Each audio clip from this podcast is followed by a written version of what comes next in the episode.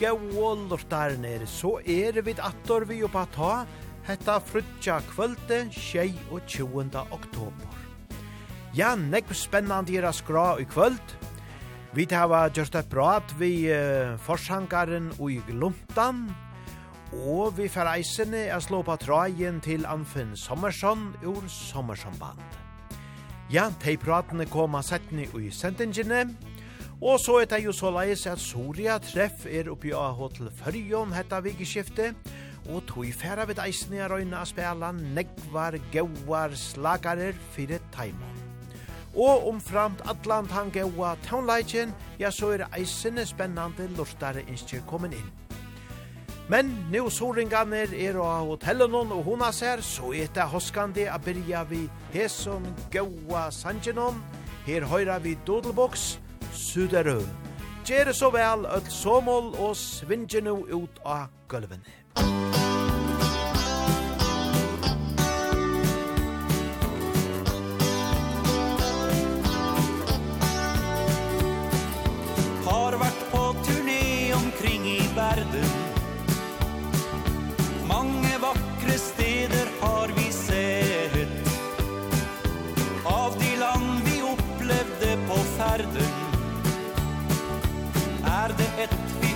tycker aller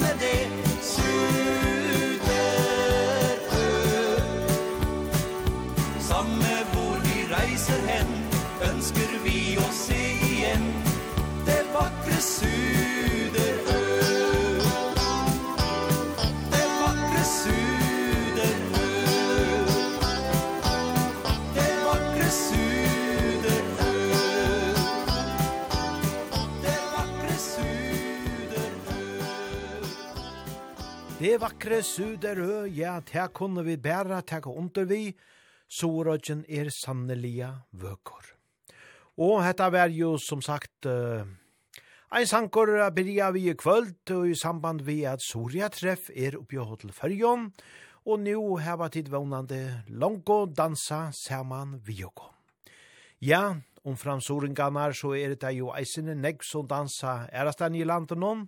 Og låsjedansarene, ja, tei er og husvill kan man si i løtene, tog her er jo sjånleikere venjing og i låsjene. Det er ekvelia positivt og godt at de halda lov i sjånleikene og ta i så er, ja, så finna låsjedansarene sjølvand jo på råd, og i kvöld er det i skautahusen vi løtjen, og her er gauar dansor og kaffe og anna verer eisne a få se deg. Ja, godt er negv, godt folk dansar saman vi oppa ta. Vi færa nu uh, vujare, og ta gjerra vid vi einon gauan og danselion tauna tja Kinbergs, du vinner igjen. Musik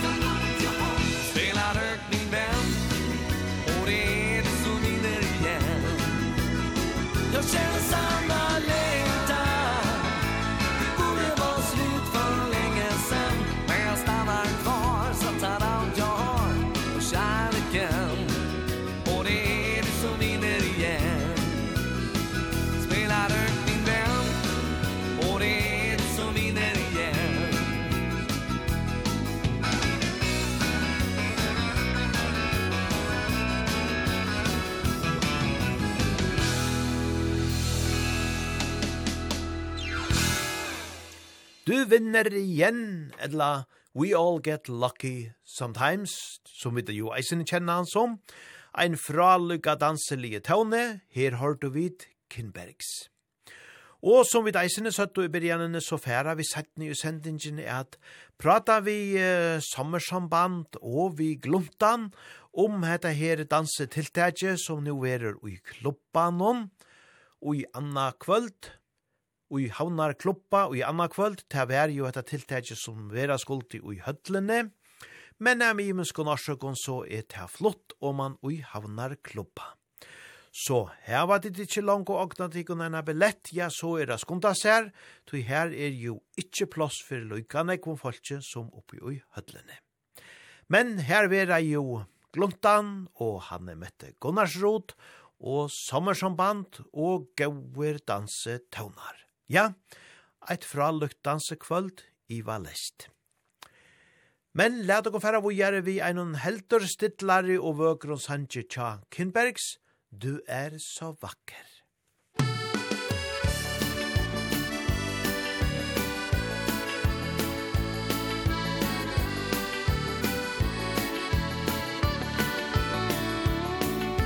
Skymningen har lagt sig över nejden Isen den drar in över land. Natten den är stjärnklar och så vacker. Du och jag, vi finns här för varann. Du är så vacker.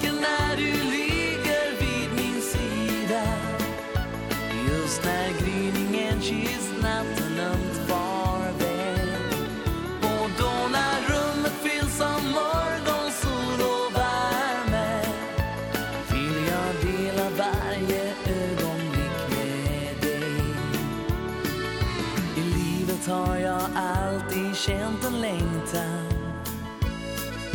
Saknaden den rörde mig ibland. Men bilden den blev tydlig i din närhet. Det var det jag alltid väntat på. Du är så vacker.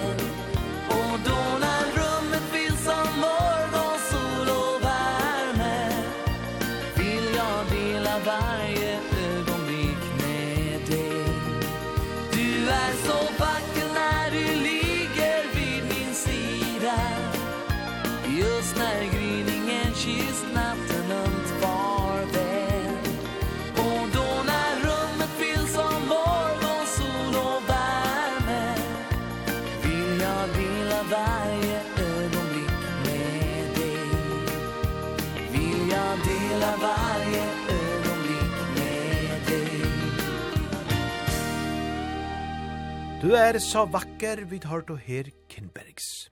Og så til uslenskare tøvnar, som vi eisene kjenner vel her heima. Her heima eider han Bygda Ball, og det er jo James Olsen som synger. Men her er det Kløyvanner, som færa synger Sveita Ball.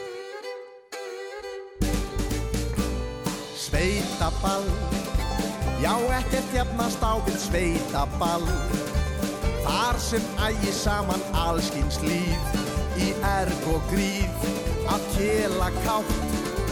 Hver á sinn háttar eru ungmejar Og allt í uppskornaðar kamlar kerlingar. Já þar er úrval mest Og menn sé skemmta best En það er ekta sveitaball. Sveitaball Það er orsinsmerking sveitaball. Í hundahamstri maður svitnar þar og hittnar þar af átökum. Að reyna nátökum á einhverri með skörpum augum en þar skima lón og dón í sveita andlit svita leitað andliti sem að gefur góða von. Sveita ball Öll hvenna gullin elskar sveita ball. Vi næði gestin til að gramsa þar Og kjamsa þar á kjömmunum Ja, vel á ömmunum og öll þau hljóð. Og út á hlaði mynda hræri gröytar glöym. Hebreima kattar röð blandast við vélaskröð Gott lög og starf og kjafta gröym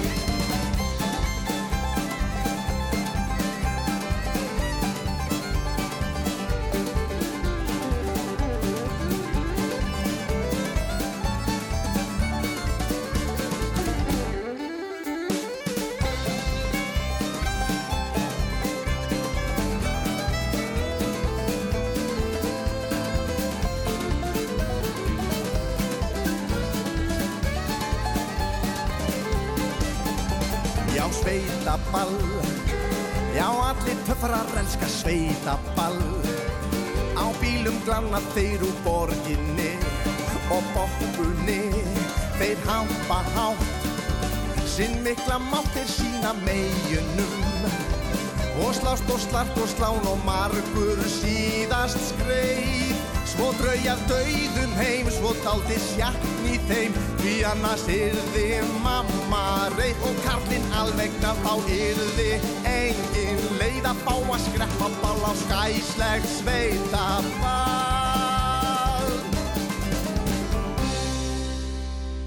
Sveita ball við hortu her íslenska bolkin klöyvanir. Og så til danskar tøvnar, Klaus og Sørvans, teir hava veri A patle loika så gjerne fyrst i halv fjersenon, ter byrja vår orkestri ui inu hundra og einal fjers, og og blivet ta kjenter vi sannsyn noen bank tre gange, og hesten her han kom eisen i elitje av fyrsta plåsen av dansk toppen. Og til å være danen Klaus Strandholm som ståna i bolchen, og han er framvegis primus motor ui Klaus og Servants enn dagen ui det. Ja, og tar spela framvegis. Ein uh, gaur uh, dansebalkor, temo vi sia, let kon her høyra tar vi samans kuss.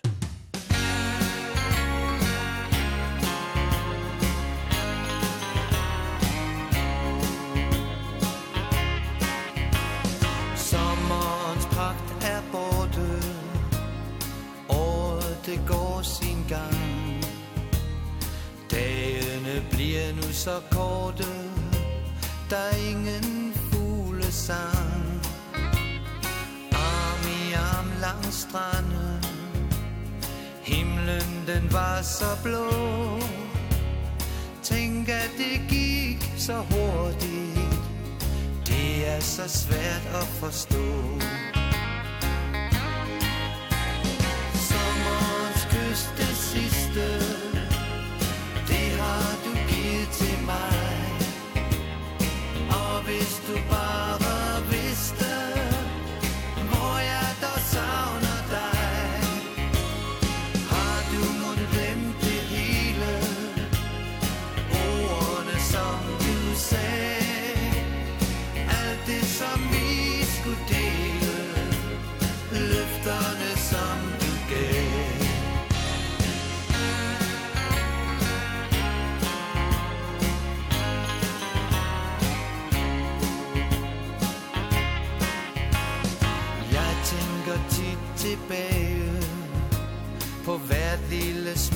fra dig.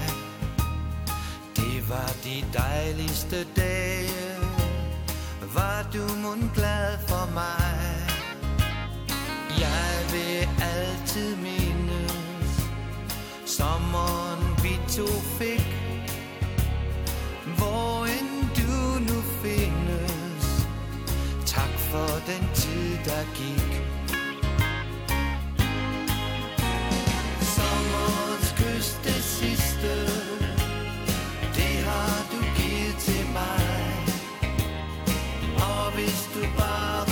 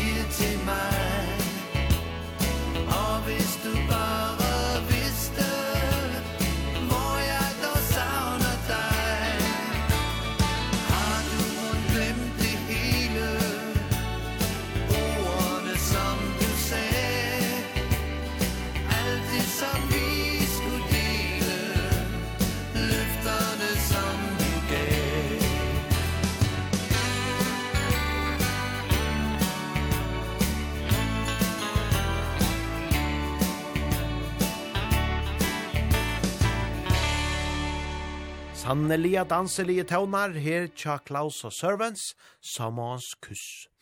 Og så færa vi da leit okon til Lassa Sigfridsson som færa sintja ein heilt kjentan slagara, jeg kan aldri nånsin glømma.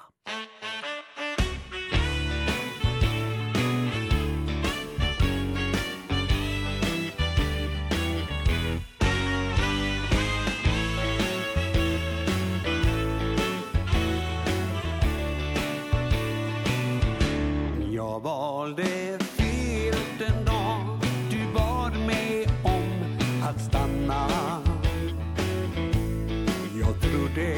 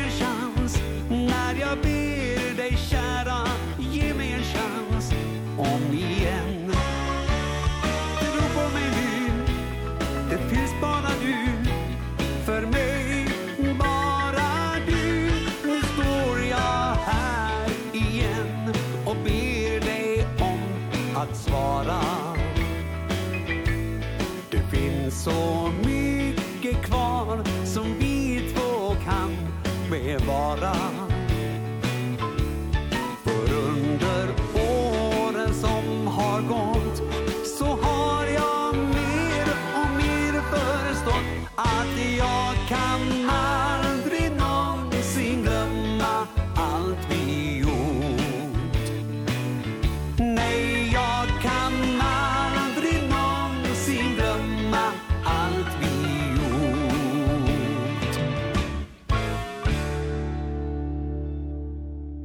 Ja, ein deilige tone her fra Lassa Sigfridsson, ja kan aldri nonsin glømma. Og vi tekka eina træt vi Lassa, men attana hendan er nasta, ta kjemur eit lortare innskje, som kjemur fra einan av okara tryggvo lortaron ui svørutje, men fyrst etter Lasse Sigfridsson, dansa nærmare deg. Musikk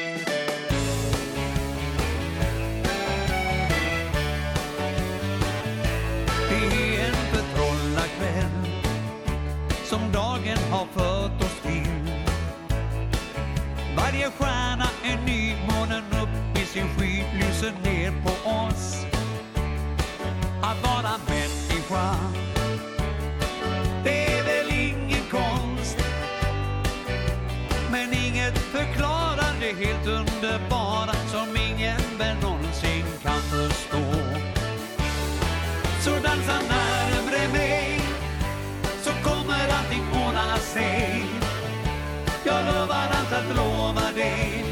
kom och dansa närmre mig.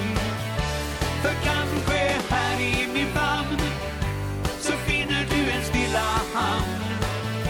Och lite vanlig vänskap med Jag stannar till här så ska du se.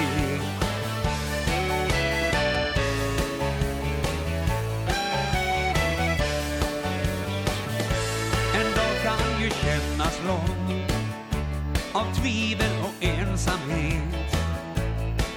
Liksom runt i en ring om man driver omkring utan något mål.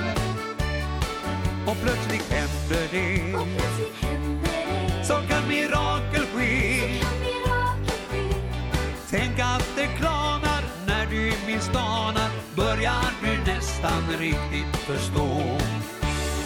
Så dansa närmre mig Så kommer allting ordna sig att lova dig Så kom och dansa närmre mig. För kanske här i min famn Så finner du en stilla hamn. Och lite vanlig vänskap med Jag stannar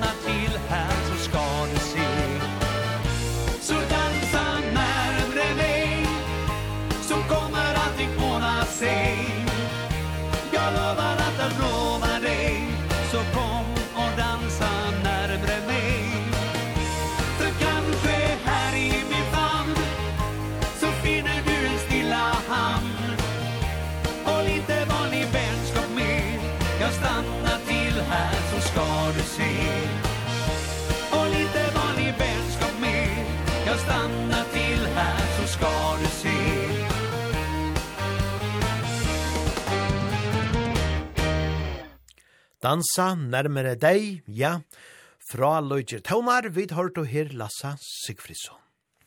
Og som jeg sier, så færa vi nå at jeg har et lortare innskje, og det er fra einon av okkara halt trygg og lortaron, og i svørrugje. Og han skriver av svenskon her at... Uh, At han er, her er en sankor som han aldri fær glömt. Han skriver, men en låt kan jeg aldri glömma. Jeg vil være din Margareta med Sten og Stanley. Og så gjerne skriver han at dette er en sankor, så minner han så nekv atter av ondeste søgna som han hitte i 1906.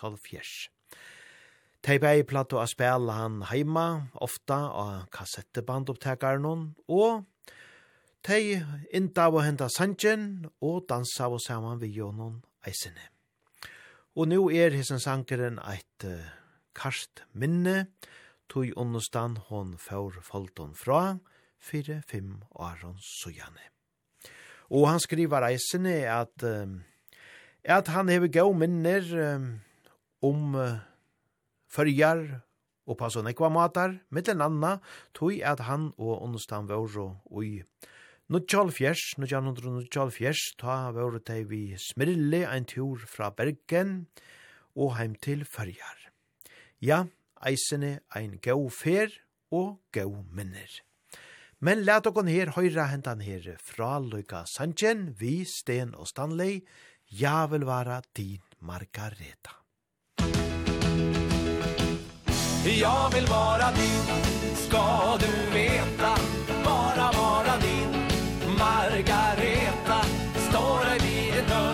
kär som aldrig förr Men vågar inte ringa.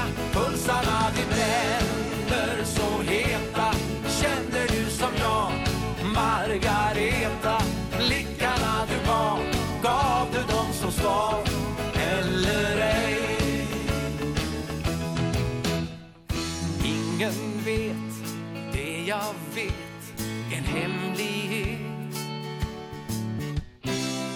någon som jag tycker om har gjort mig het. Kan jag hjälpa att jag känner det så här? Och den blick som jag fick sa mig allt. Det jag vill kan jag nog få tusenfalt Och nu börjar jag förstå att jag är kär. För jag vill vara din, ska du veta. Bara vara din, Margareta. Står vid din dörr, kär som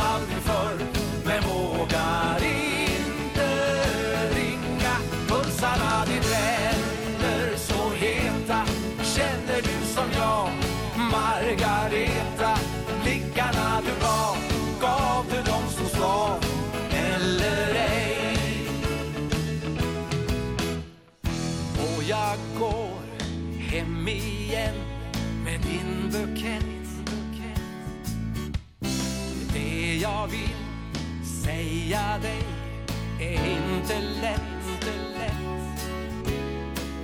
Kan inte hjälpa att jag känner mig så här. För jag vill vara din, ska du veta. Bara vara din, Margareta. Står det vid din dörr, kär som aldrig förr. Men vågar inte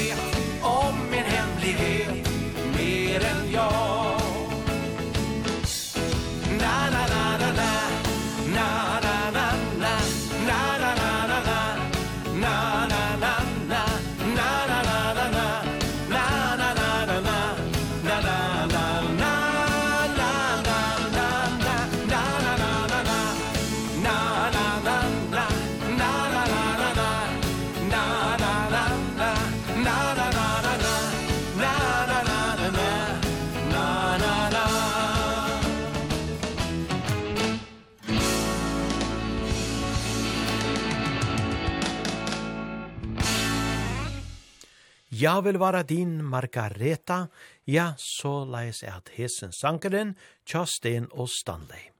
Og hetta var som sagt eit lortare innskje fra en om tryggvån lortare ui svørutje.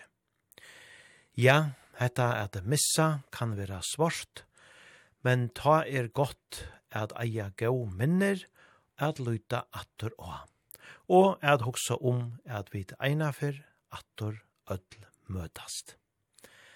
Let okon her teka ein gauan tona vi gauan åron, framats plats, enn en gong skal fåglarna sjunga. Musik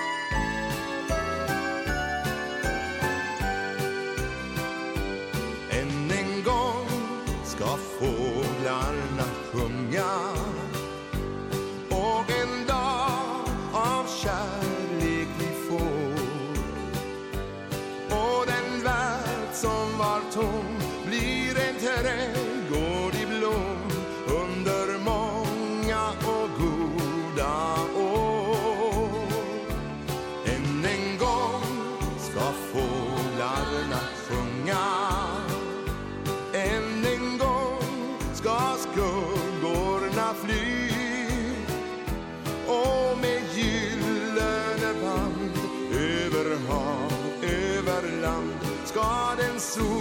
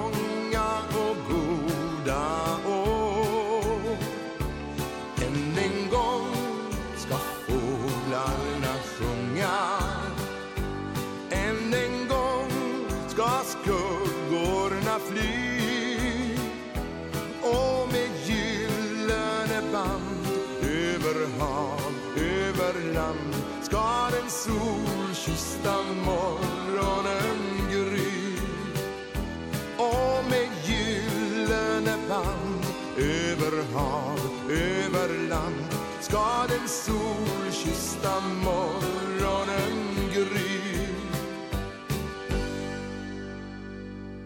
Än en gång skall fåglarna sjunga, ja, en gåvor tåne Mats plats. Og eisen naste, han er ikkje minne gaur og vekor, og eisen i her er årene ekvelia vøkor. Låten morgon vakna, her er Lasse Stefans.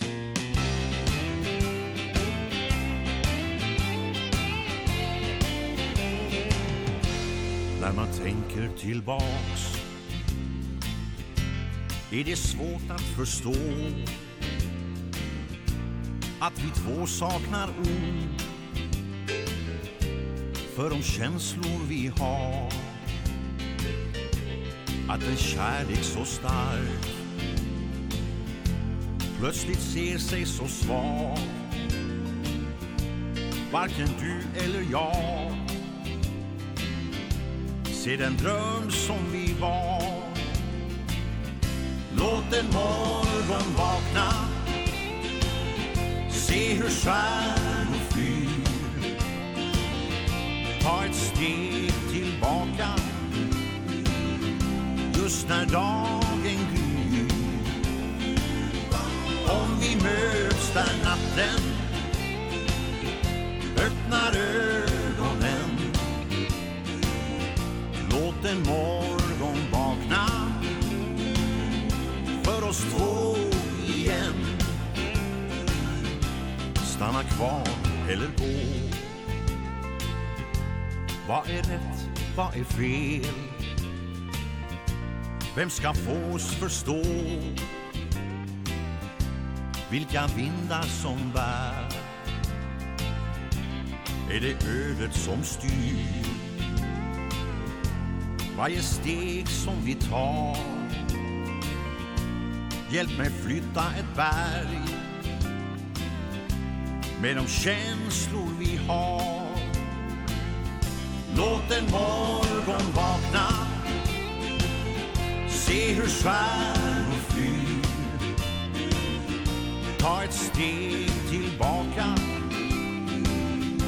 Just när dagen gryr. Om vi möts där natten. Öppnar ögonen en morgon vakna För oss två igen.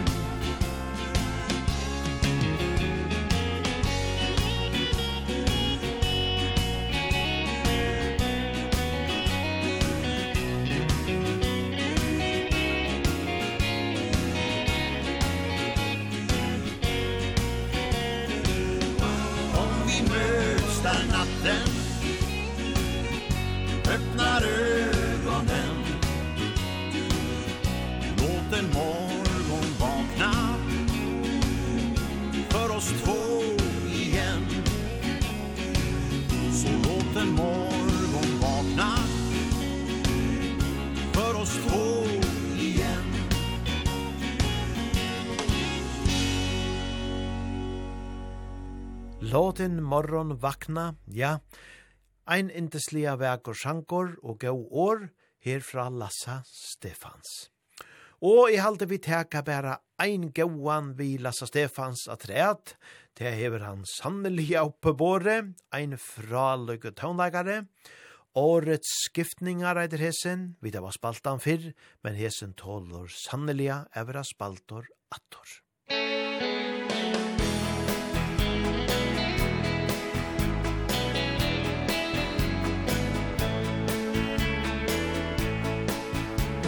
när ljuset stilla falnat till höstens första kväll.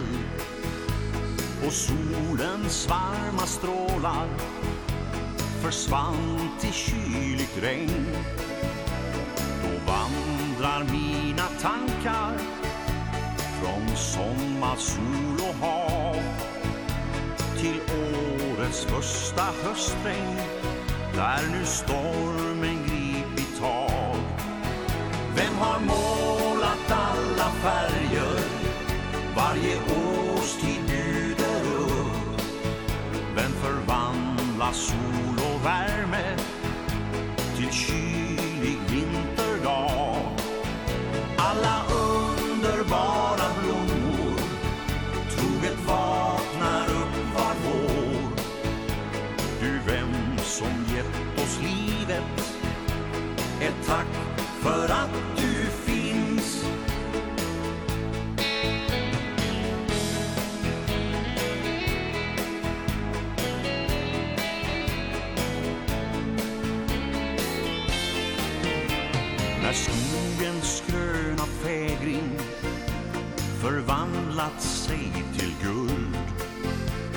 Och stormen den har piskat. Sista bladet ner till mull. Naturen då sig bäddar I ett täcke vitt av snö. För att den en gång till våren Vakna upp när det blir tur. Vem har målat alla färger? Varje årstid Samma sol och värme Till kylig vinterdag. Alla underbara blommor Troget vaknar upp var vår. Du vem som gett oss livet Ett tack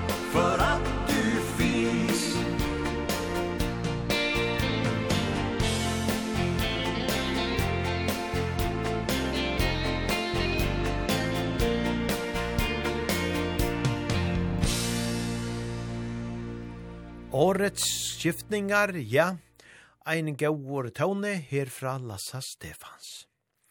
Og så skulle vi leita fram negra gauar harmonike tånar, og det er ein som vi kanskje ikkje har hørt så ofta, som eitor Lillebror, etla rattelia så eitor han Lillebror Vasåsen, ein kjentor harmonike leikare ur Norge, Han er ur Romedal og i Hetemark.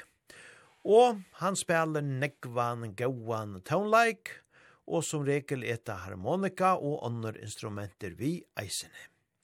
Og hesen sankeren som vi da var valgt, hever tann ta særlig heite Piken fra Færøyene. Musikk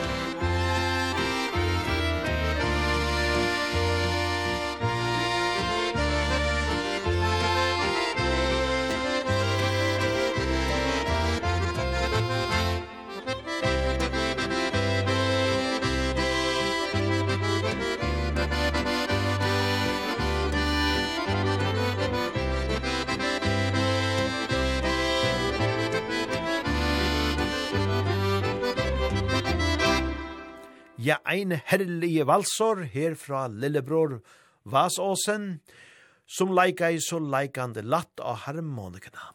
Piken fra færøyene at hesen.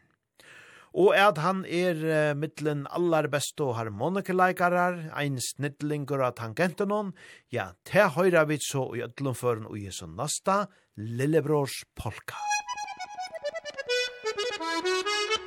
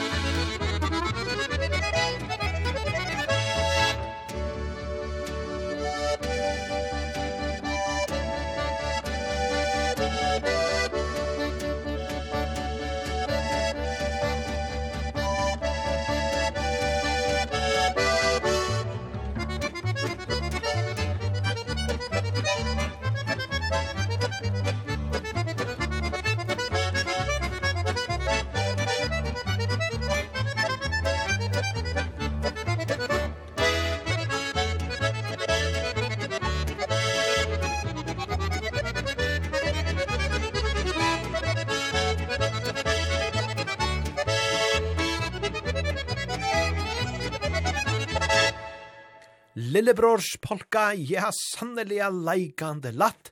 Vi hørte her, Lillebror Vasåsen, spela hentan her lykka polka igjen. Og så er min sann eisen i eit lortare innskje komme, Fra einon og Sore, jeg veit ikkje om hessen er vi av Sore treffer noen, men og i ødlom for hon skal hessen her lortaren få hetta innskje, og det er om at høyra ein gauan sang vi Lindesnes trekspillklubb. Ja, vi får eis inte meira var Monaco, men tåne vi sanje eisene.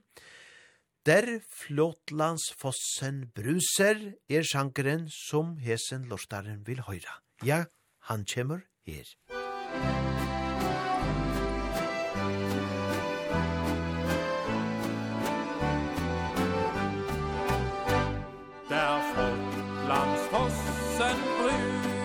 sang.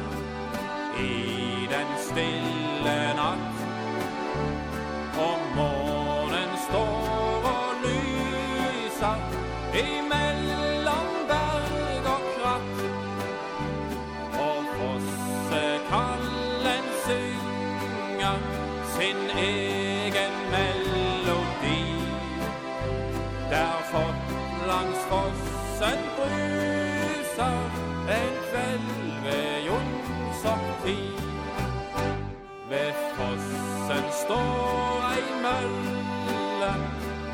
känna stille nå Den tiden er forsvunne Det er jo bare så. Men øllens mange minner De dukker ofte frem.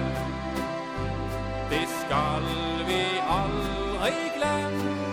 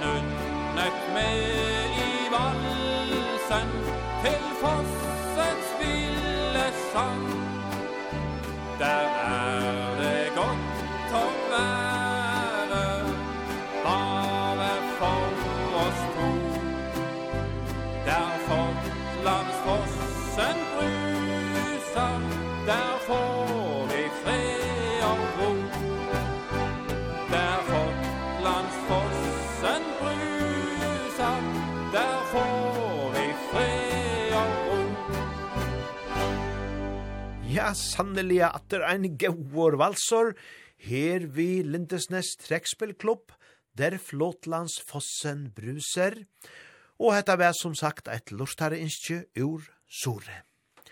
Ja, så færa vi vujare vi gauon taunon vi Lotto og Anders Engberg, ingen mann er som han. Musik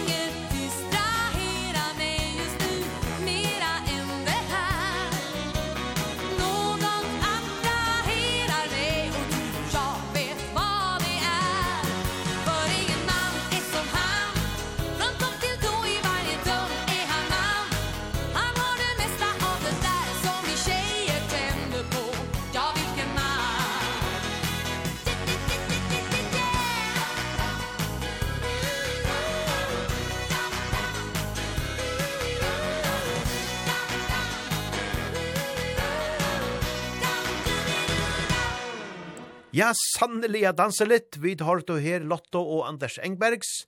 Ingen mann er som han.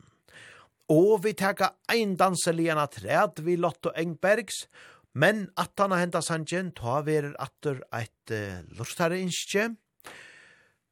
Men let dere først lorte etter Lotto, hatten av for farmor.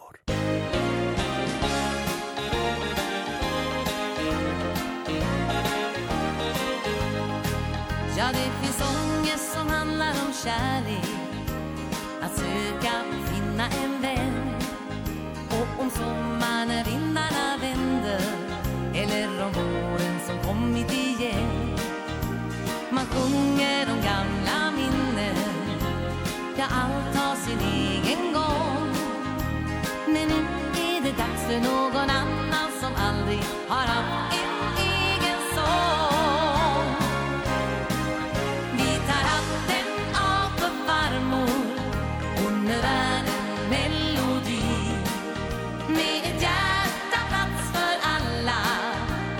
kärlek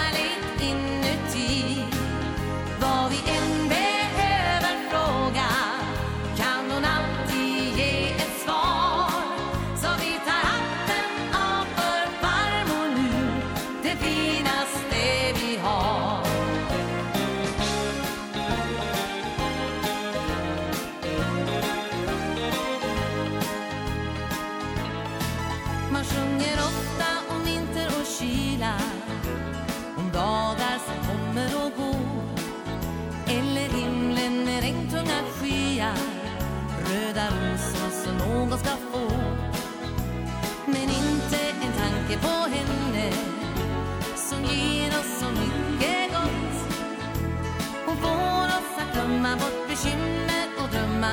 När allt känns trist och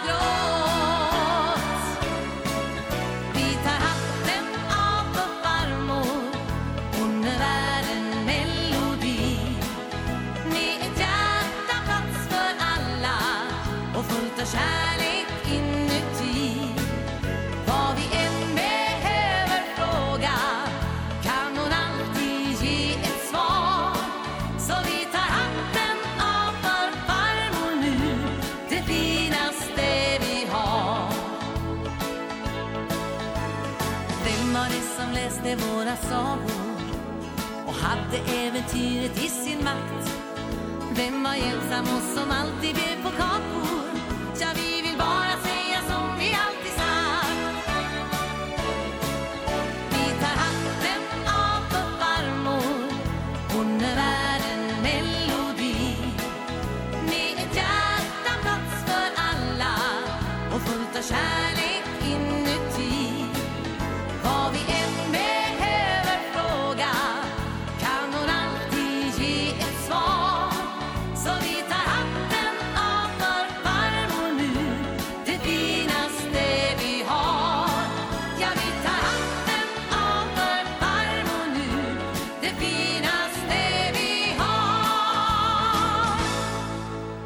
Hatten av for farmor, ja, deilige tøvnar, vi hørte her Lotto Engbergs.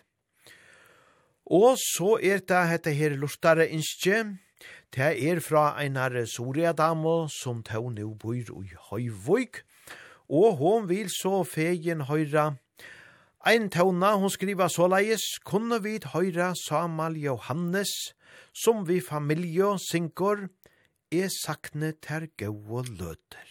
Ja, ein gauur sankor, her ui Samal Johannes synkor, saman vi fleiri ui familjene, hendan her vekra sanjen. Gjer så vel.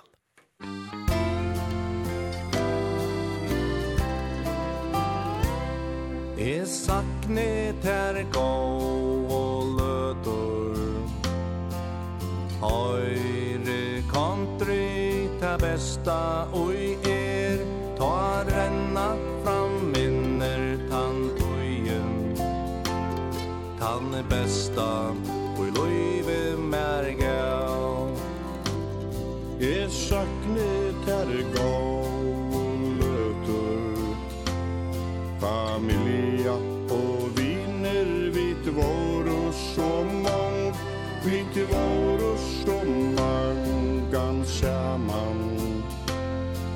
til okkom her verveita til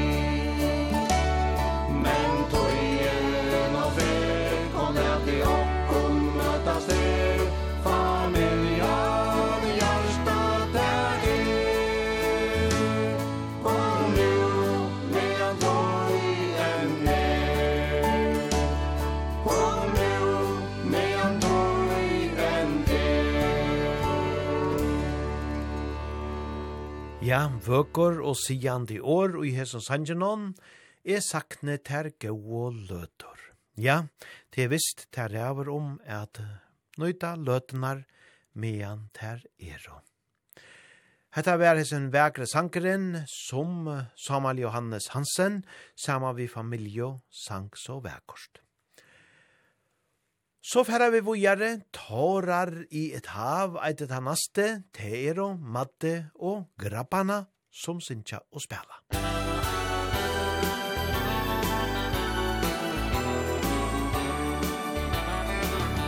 Takk for alt, min kjæra, varje stund du gav. Du har lem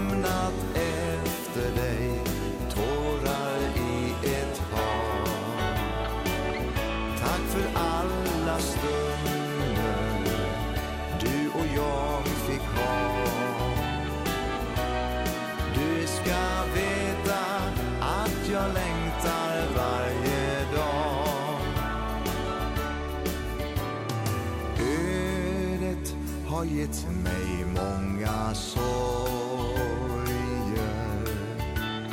Tusen små sår här i min själ. Allt det som vi tillsammans drömde. Log vände om och sa farväl.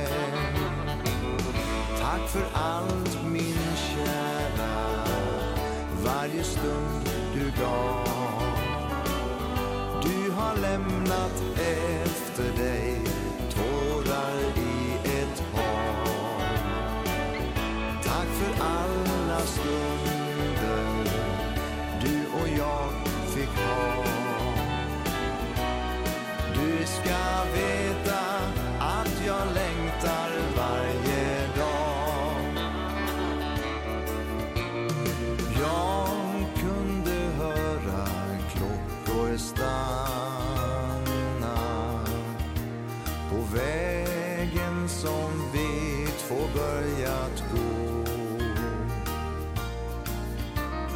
från alla löften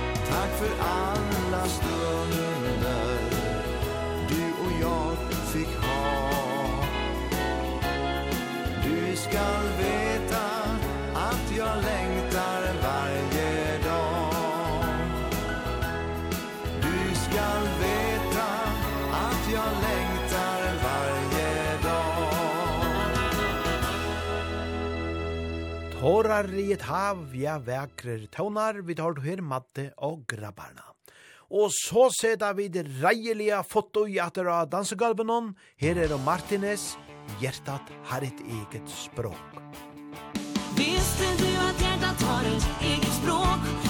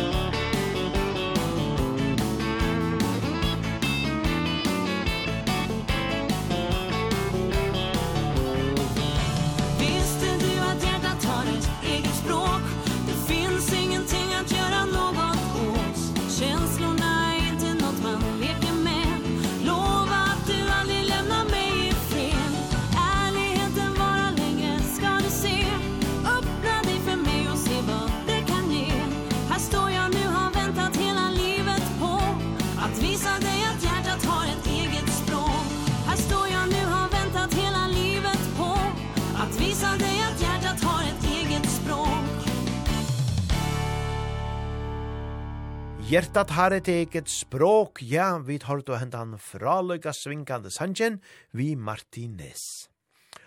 Og så færa vi til lortet etter kærleiks minnon, nu i Sorengar er og hotellenon, og dansa og honas her.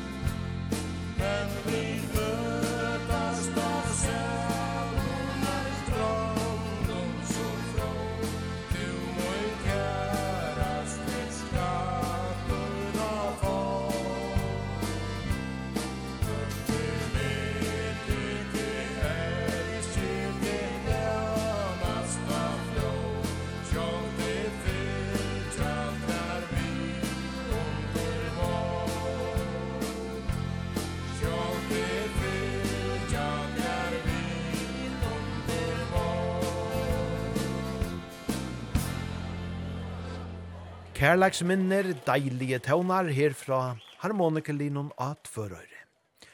Og at tvørøyre ja her henter eisene mangt og kvæt. Dansestov og gaman er jo berjeie vi så innom danse. Og nio sånne dagen ta nødje tjoenda, ta vere det ikkje ui hødlen i utrunnsvei, men ui vaie til færre at heva dansen. Og så skriver jeg nå av Facebook-vankanon eisene Solais, at undervust verur i leindanse leier deg 4. november i skolagærnon og i Trondjesvåg skola. Ødler velkommen, byrjarer fra 14 til 15.30 og teg esindu rønto i leindanse fra 16 til halvkon 6. Og til å være til begge Hervør og Birger Samuelsen som færa at undervisa. De er og Garvaje kom han sia undervisarer, og tei hava undervist i landdansi og øron og i havn og i flere år. Ja, spennande veror, og til kunne lesa meira inni av Facebook-vangan og tja, dansestov og gamne om hetta. Læt okkom bæra her teka en gauan leindans vi Holmsve, så kunne tid jo alltid færa ut av gulvene, og venja til etter her hendan i leierdegjen 4. november. Her er Hansve Leindansbølgen går.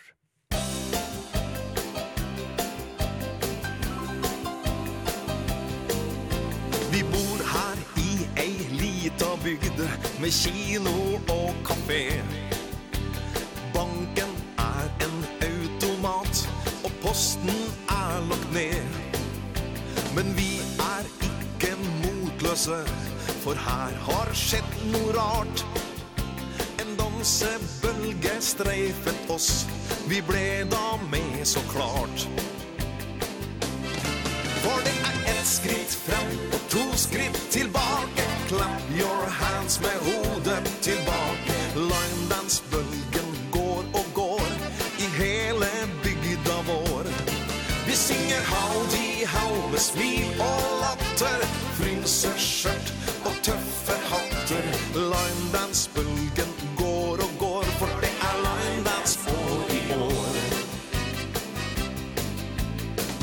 Eidsvoll, Prest og Værmonsen De stiller alle opp. For trinn og klapp skal gå i takt Før alle gjør et hopp Her er vi alle like små Eller store om du vil. Og når det butter litt imot Er det dette som skal til. For det er et skritt frem Skritt tillbaka, clap your hands med hodet tillbaka. Løgndansbølgen går og går i hele bygda vår. Vi synger howdy how med smil og latter Fryser skjørt og tøffe hatt.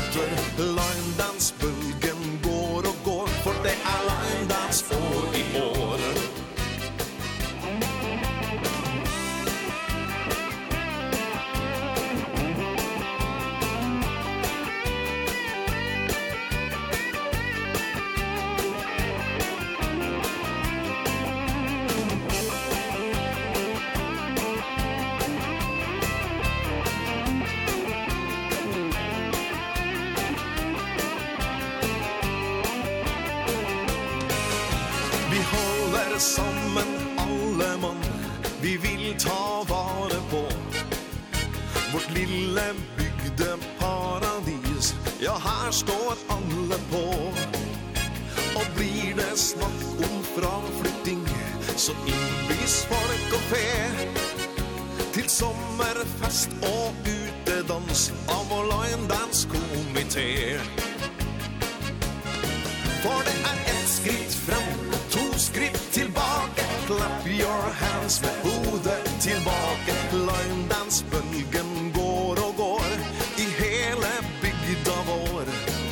singen howdy how med smi og latter Fryser kjørt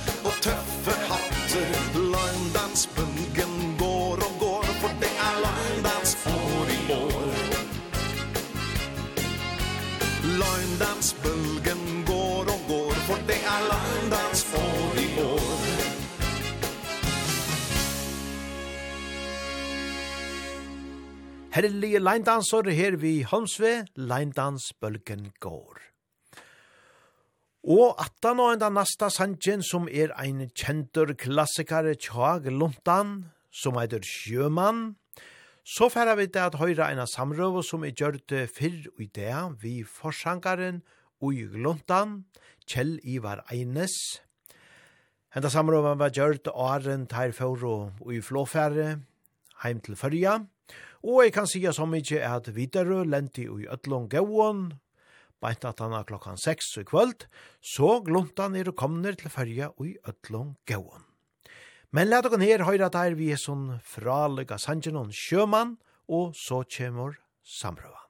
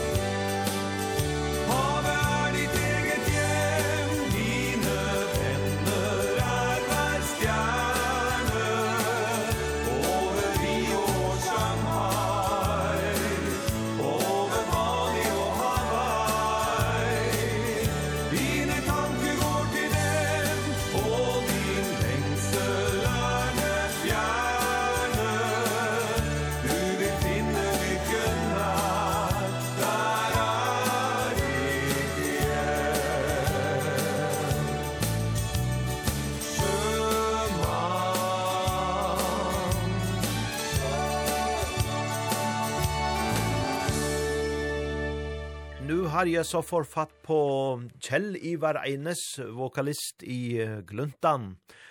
Hei, Kjell. Hei sånn, hei sånn. Hei sånn, ja. Nå skal jeg så reise til Færøyene igjen, og uh, vi, vi har pratet litt om det her. Kan det tenkes at det her er den tiende gangen Gluntan er på Færøyene? Ja, det kan se sånn ut. Etter ja. våre tellinger så tror jeg nok det stemmer, ja. Ja, det, det er i hvert fall tett på. ja. ja, ja, ja. Gluntan startade ju helt helt tillbaka i i i 60-talet, i 65 faktisk. Ja, det stemmer. Det var 65. Det var til starta i Trondheim, men det var Ørnulf Holte og Torbjørn Strøm og Hans Thoresen som startet det da i, i 65. Ja, det var jo den samme truppen i mange, mange år, men selvfølgelig det, årene er jo mange, så det har vært utskiftning, så... Men i har så vært uh, på Færøyene før også, i hvert fall i 2015, var i også i, i 11, altså med Jeres grupp? Ja. Det var vi. Ja, ja. ja det stemmer. Ja. Siste gang det var som sagt i 15, da spilte i Bruggedans i, i Voksbåten. Ja, da var det jo et litt, uh, litt uh, variert publikum, for vi spiller jo sammen med Samantha Fox og Udo Dirksneider den gangen. Ja, ja. precis, ja. Ja, ja. ja. Og hva kan så dansefolket vente? Spiller i de gamle gluntanslagerne også, eller er det en blanding av nytt og gammelt? Alltså det blir ju vi vi må ju ha med noe av de gamla gamla slagerne som har varit med fra tidlig i morgon. Ja. Det må vi ha med och noe, noe nytt blir ju selvfølgelig også med. Ja. Men jeg tror de flesta ska känna sig igen i i gluntan, sånn som det alltid har varit. Då.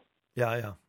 I i i holder stilen också alltså den gamla vi håller samma stil, grundanstil, den, den är lite hallig för oss. Ja, det är gott, ja. ja, ja. ja. Gluntan har ju en, i alla fall en färösk sang på repertoaret, Föröjar. Kan det tänkas att den kommer att höras? Det kan tänkas. Vi ska, ja. vi ska se på det. Ja, ja. ja. ja, ja. Ja. Och hvordan är det med spill i jobb för tiden? Reiser i maj mycket runt och Ja da, vi, vi reiser jo, selvfølgelig så er det jo masse i Norge, men det er jo fra Lindesnes til Nordkapp det, så vi er i det langstrakte Norge land. Og hvordan er det med, med utgaver, CD eller?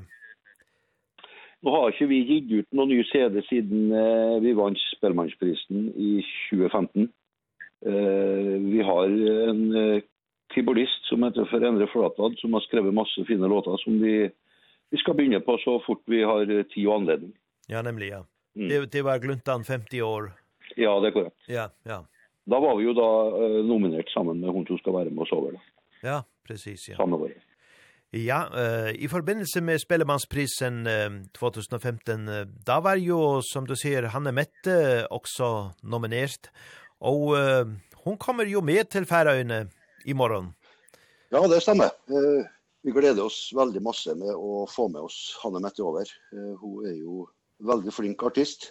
Så der har virkelig folk på færene nå å glede seg over. Altså. Det, det, hun, er, hun er veldig, veldig flink. Og har jeg vært på scenen med, med Hanne Mette før? Nei, det har vi ikke. Så det blir første gang for oss også. Så vi gleder oss vilt og uemma. Ja, ja. Det blir også spennende. Ja, det blir veldig spennende. Ja, ja. Vi gleder oss til da jeg ble nominert, da var jo både Hanne Mette og Kontrast også med, hvor Hanne Mette jo også har vært medlem. Ja, det er samme. Du har jo medvirket i litt forskjellige band oppover tida. Ja, precis, ja. Ja. Og så hun kommer så til at synge flere låter sammen med Gluntan i morgenaften. Det er jo. Ja, og så det... klarer vi jo selvfølgelig også å spille sammen med, sommer som band og, og finner, også. det blir, det blir kjekt for oss det, altså. ja. Det gleder vi oss i. Ja, ja, det skal nok bli godt. Og jeg kommer så med, med videre fra Bergen til Færøyene allerede i aften, kan jeg forstå. Ja, det gjør vi. Ja, ja. Vi lander på Færøyene rundt klokka seks, tror jeg. Ja, precis, ja. ja. ja. Hvornår skal I så hjem til Norge igen? Vi reiser tilbake på søndag. På søndag, ja, ok, ja. Ja, ja. ja. ja. Da får I måske sitt litt av Færøyene i hvert fall. Ja, det, det håper vi. Vi, vi trivs veldig godt på Færøyene, og fin natur og fint folk, og, så det gleder vi oss til. Ja, fint. Har, har du et ønske om, om en melodi som vi kan spille nu efter, efter pratet? Vill du ha en ifra oss du tänker på eller? Ja ja, en självfölj en fra Gluntan ja. ja. ja. Nej, då tänker jag då måste vi ta en uh, gammal gammal slager då som heter för la oss leve kanske. La oss leve för varandra. Den tar vi. Yes, det gör vi. Vi ses, og god tur til Færøyene. Jo, takk for det. Ja, takk for det. Hils de andre. Det skal jeg gjøre. Ja, hei, hei. Hei, hei.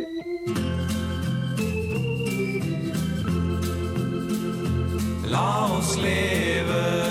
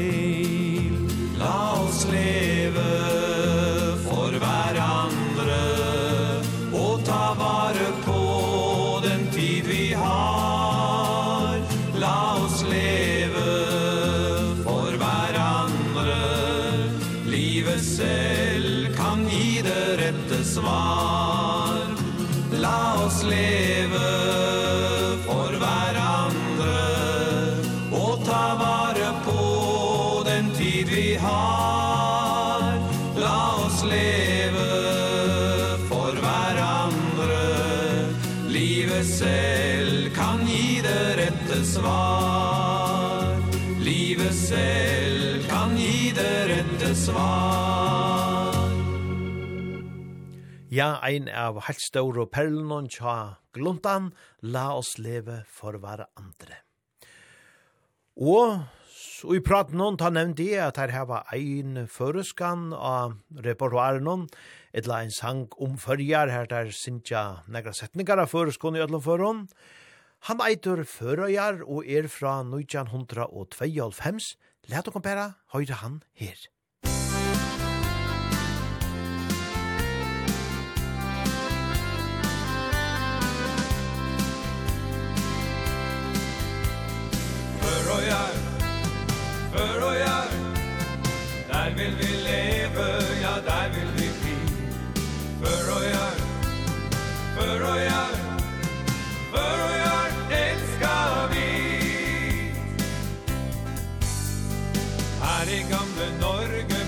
fjord og fjell og borger Sitter vi i grunntown og lengter mot vest. Selv om vi er hjemme så kan vi ikke glemme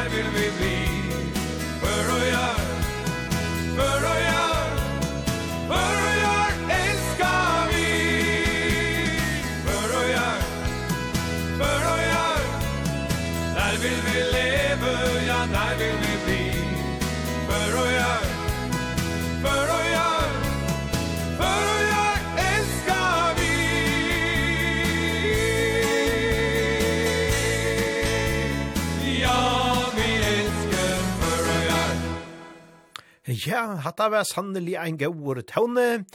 Tar sunk og føreskån, og tar enda om en sann vi er at lukka som lukast sjálvun norska tjausangenon vi elskar førøyar. Ja, hetta var ein festlige tåne, vi gluntan. Og hver veit, kanska vi er at høyra, og i kloppanon, og i annakvöld. Og attan og enda nasta sanjen som er ein gaur tåne tja Mats Bergmans, så færa vi det at slå på trajen til Anfen Sommersson ur Sommersonband. Men fyrst, takk og hei.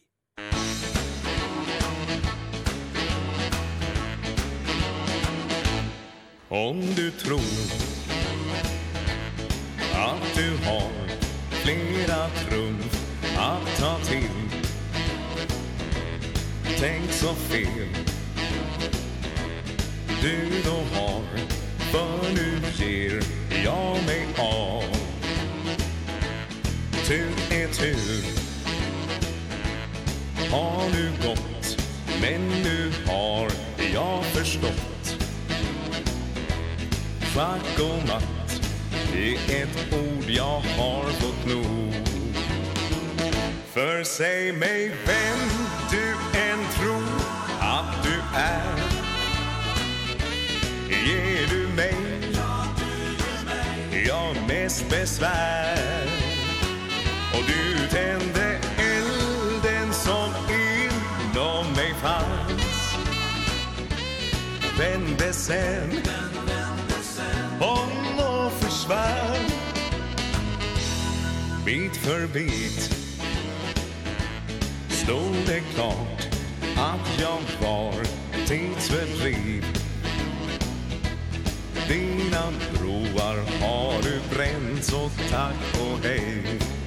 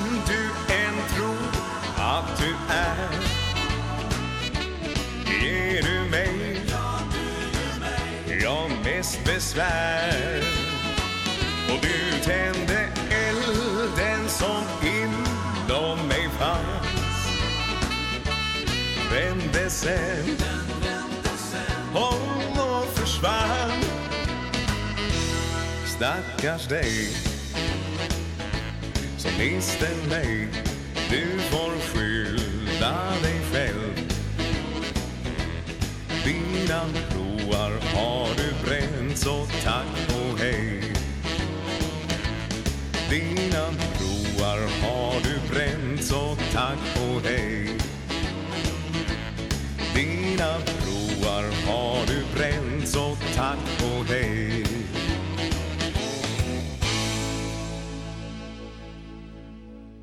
Ja, nu har vi så sli upp att trajen till eh, Anfinn Sommersson ur Sommersson band. God kväll Anfinn.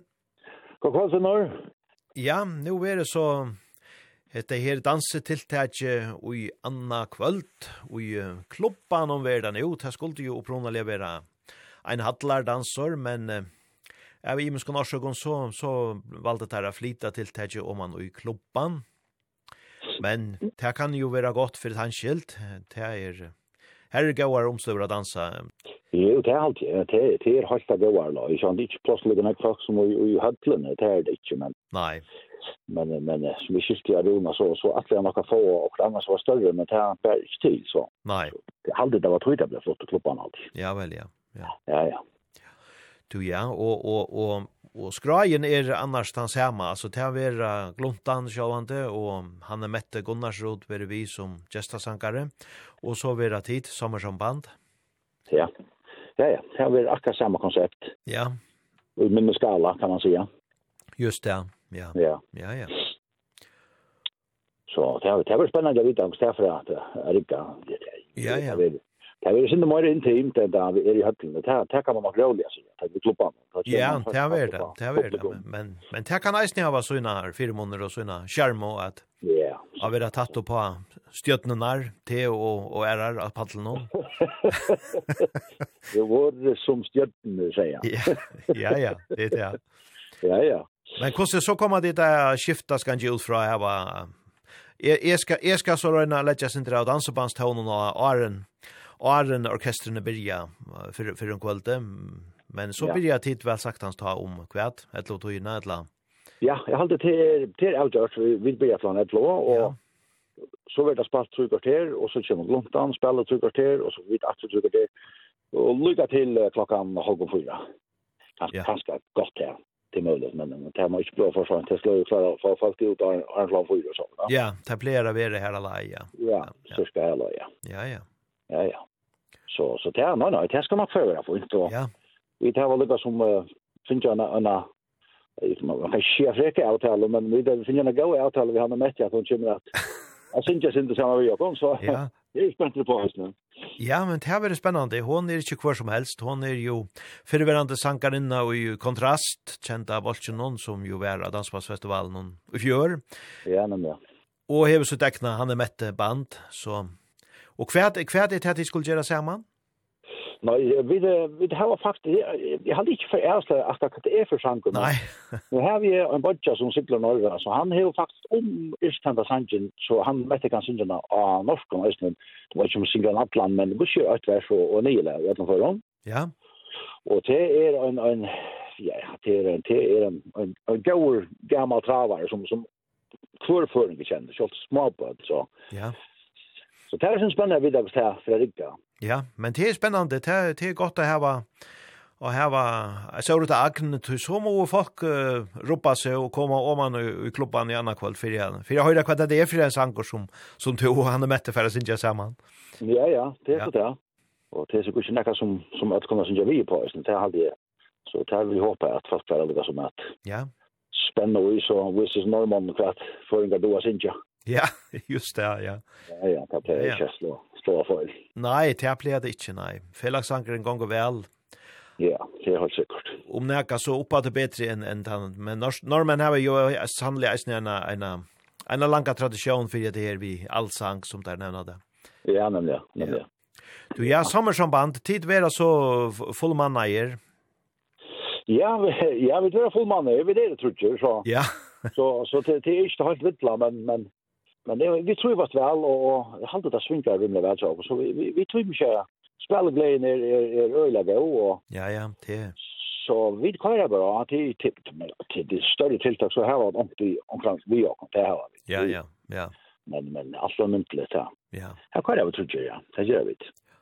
Og og og de fleste vita det i valest men men det så du kan lukka tru på i kvarje kvarje sommarsamband er så. Ja, ja, Det er Kari Olsen av bass og, og, og kår, og Samuel Lindenskov av, av, av gitar, elgitar. Og ja, han er så ikke begynt å synge enn, men uh, vi, vi rønner trøstene sin tur. Ja. Og så ser han det som, som sitter etter trommene her og, og, og synger, ja. Ja, nettopp. Det er vi trøstene, ja. Ja, ja. Og jeg er så heppen at jeg har finnet en, en, en sang sendende fra deg, og en som tid her var. Spalt ikke nesten det vi i, i studio?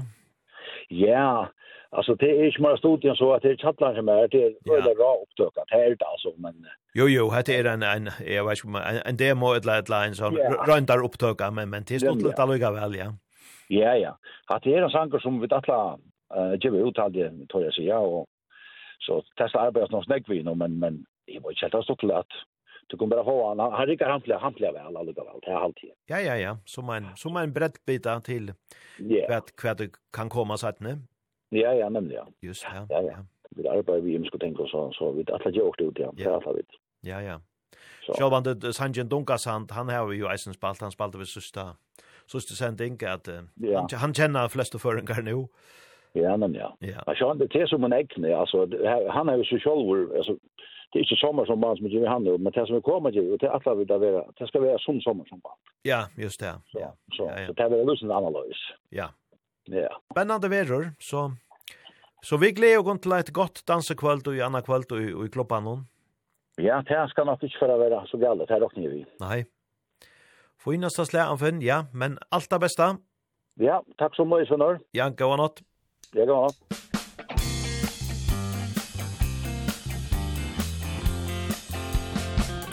Gjør det klart å fære ut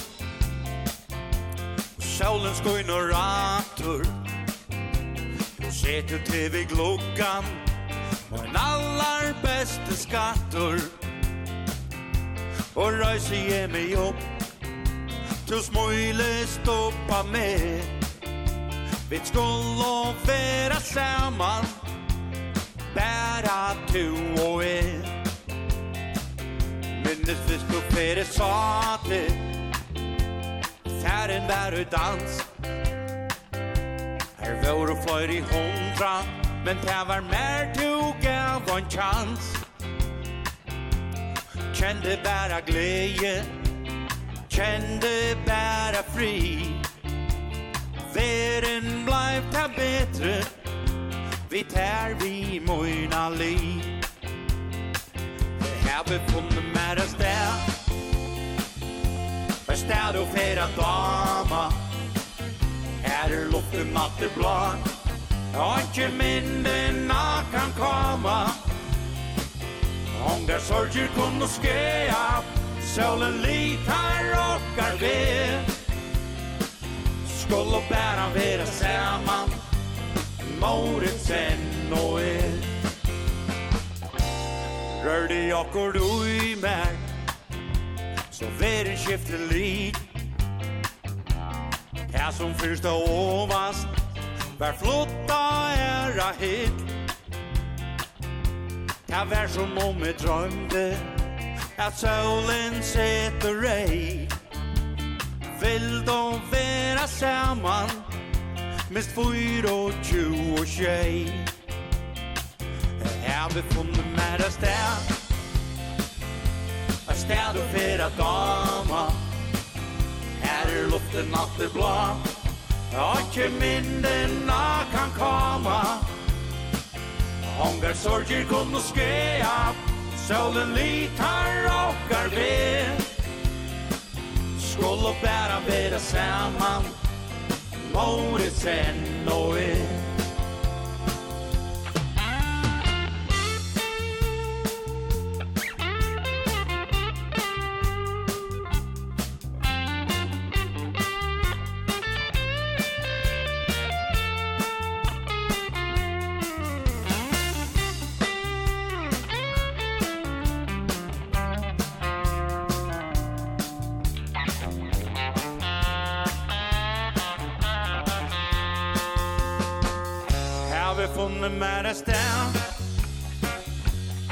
när du fer att dama. Her er luften matte blå Jeg har ikke minnena kan komma.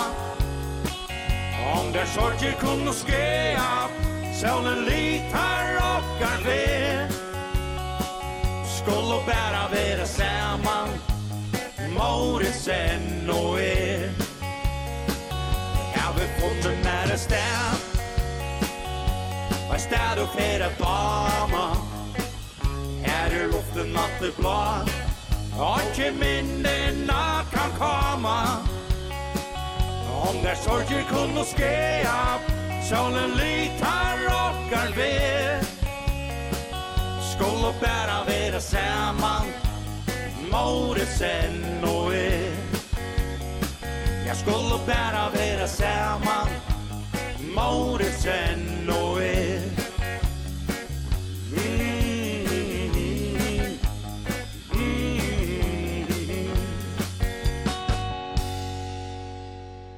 Ja, hetta var så isen her nudje sangren tja sommersamband, Maurisen og E. Og heite Maurisen og E, ja, ta kjem kanskje ikkje heilt ur omkom. Men, meir om ta settne, Hetta her vær lukka som ein smaksprøve, som anfunna eisene seie, ein, ein bæra ein sånn røndar opptak at hadde gjort, og vi fara høyra nek meira om henta sanjen, og høyra han eisene i endalige utgavene taie der koma så langt. Men stuttlet at høyra, hetta var så sommersamband, Morrison og E. Og så færa vi til vujare, vi gauon taunon, nu har vi prata vi gluntan og spalt gluntan, og vi tar haft sommersamband av skra, så sjølvande skulle vi eisen i høyra en gåan tåna vi hanne mette. Det er neist ikkje få ei pratele vi hana og idea, men hver veit kanskje vi hittana no om vikeskifte, vi mikrofonene eisene, så er det til vi er kanskje akkurat prat i nasta sending vi hanne mette. Men hon er ein fraløyk sangkvinna. Let okon her høyra henne, nu møter enda noen av hesom partnon er av ta, Så heta verir allar helst nast seinasta sankor i hesom partnon. Her er Hanne Mette, svikefulle løfter.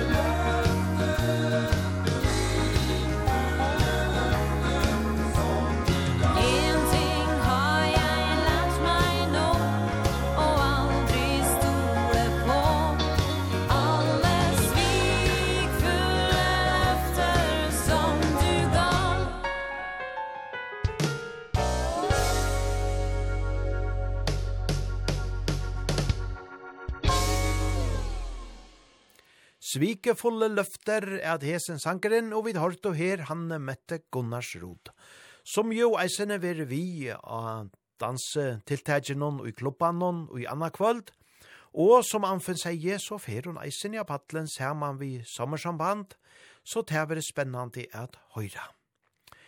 Ja, mangt spennande er om vikeskiftet, og Soria treff er som sagt eisene av Hotel Førjon, og og låsjedansarne, ja, de dansa saman vi jokon. Vi løtjen, så te er ekvelia hoalet, alt samalt. Jeg hadde vi færre at enda vi einon Soria Sanchez så a sia, og kvært er ta bedre enn uh, dansebandskongren ur vaje. Han er jo eisen i hotellen nå om vikskiftet, veit det. Læt okon her høyre hans jakke hjelm og hans herra fra løyk og taunleikarar. Vi kom her til moin.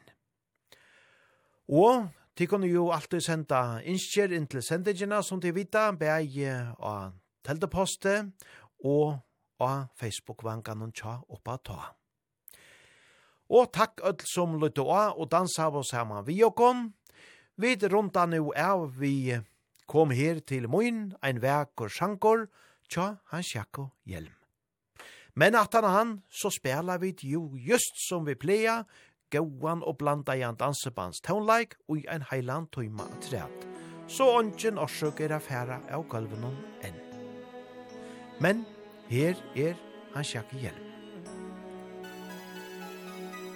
Kom her til moin, heg inn i moin i ei jo, og vir tja mer, ta nattun fettlor av.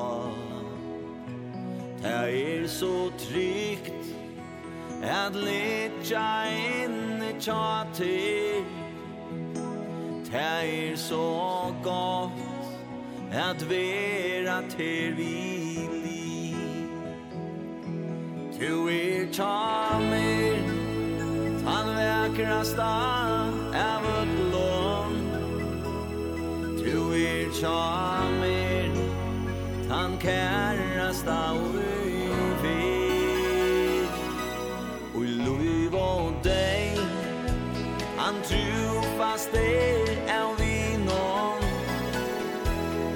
ta er du mun stor kær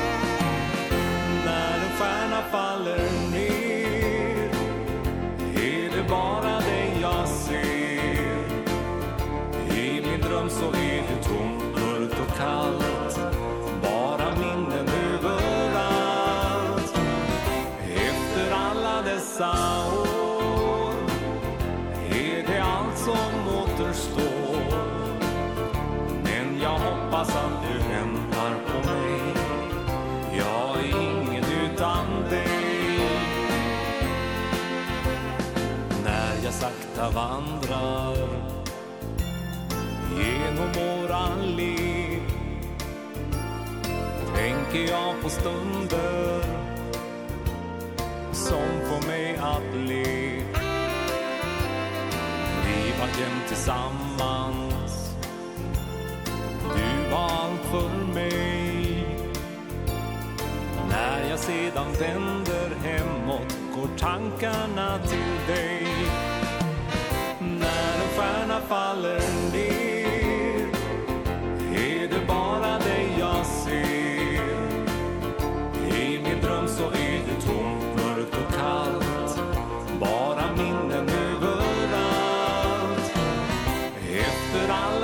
dessa år. Är det allt som återstår? Men jag hoppas att du väntar på mig. Jag är ingen utan dig. Du finns här i mitt hjärta. Varje natt och dag. Jag ska aldrig glömma kärleken du gav. Varje dag en gåva.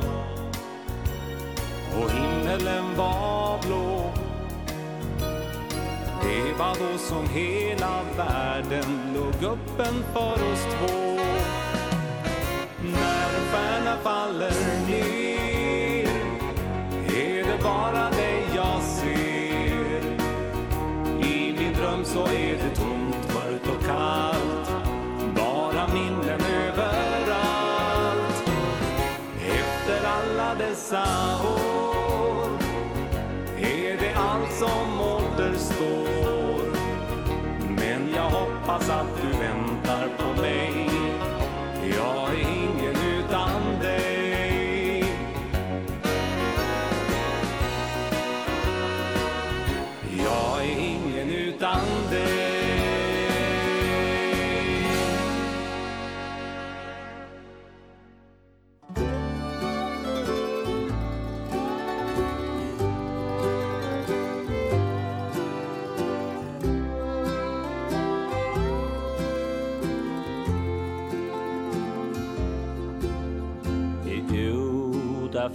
spå Om Øverland så stå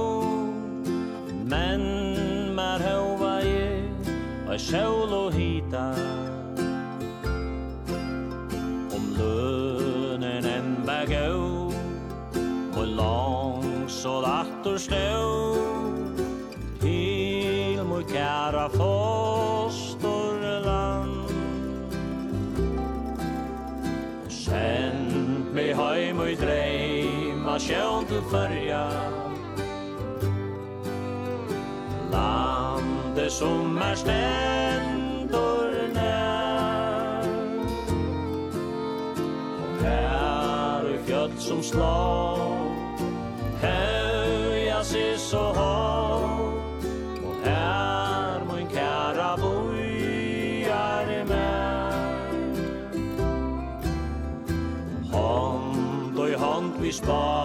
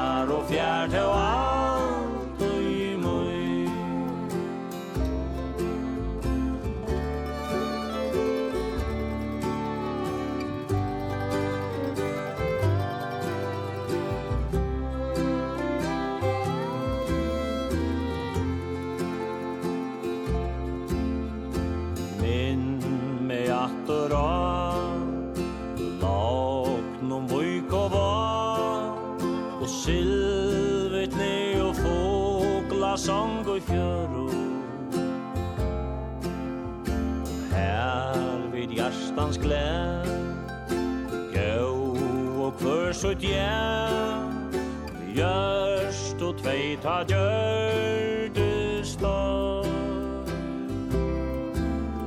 Send me heim og i dreima sjøn til fyrja Landet som er stendur nær Her og fjöld som slår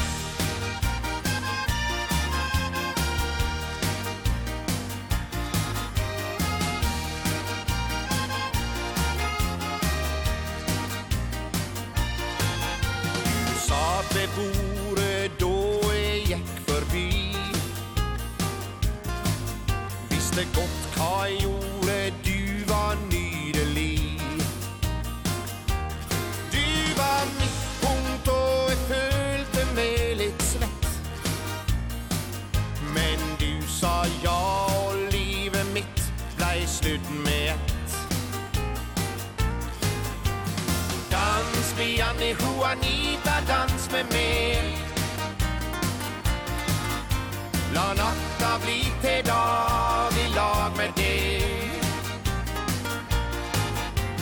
Dans vi Annie Juanita, dans med mig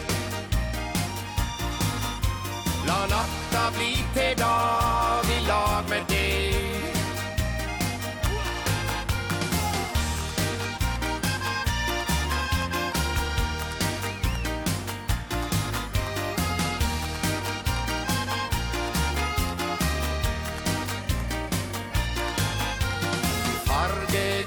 glasen frå et glas med vin.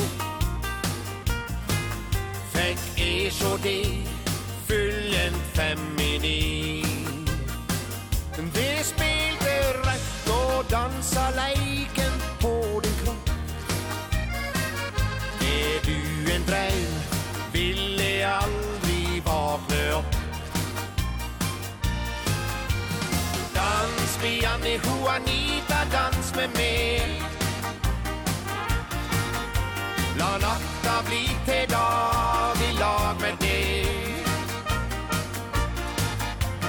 Dans med Janne Juanita, dans med mig La natta bli til dag i lag med deg.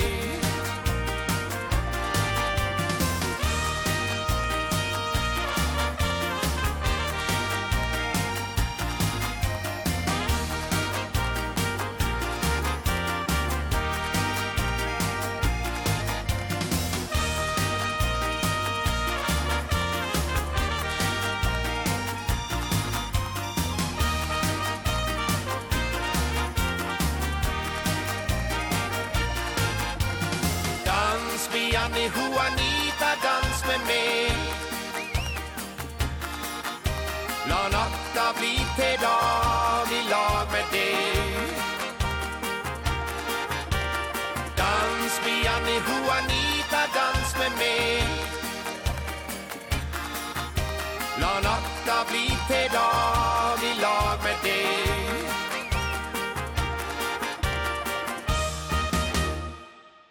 Vi får markerna skaka, vi kommer tillbaka, vi lyfter igen Först nu så har jag förstått Vad som hänt det året som gått. Se tillbaks på allting som vi nu har fått. Det startar med ett ögonblick Som förändrar allting omkring. Och det var bara början på något nytt. Vi lyfter igen, vi Och ingenting kan längre stoppa oss. Nu tar vi bara på den chans vi fått. Och inget står i vår väg. Vi lyfter igen.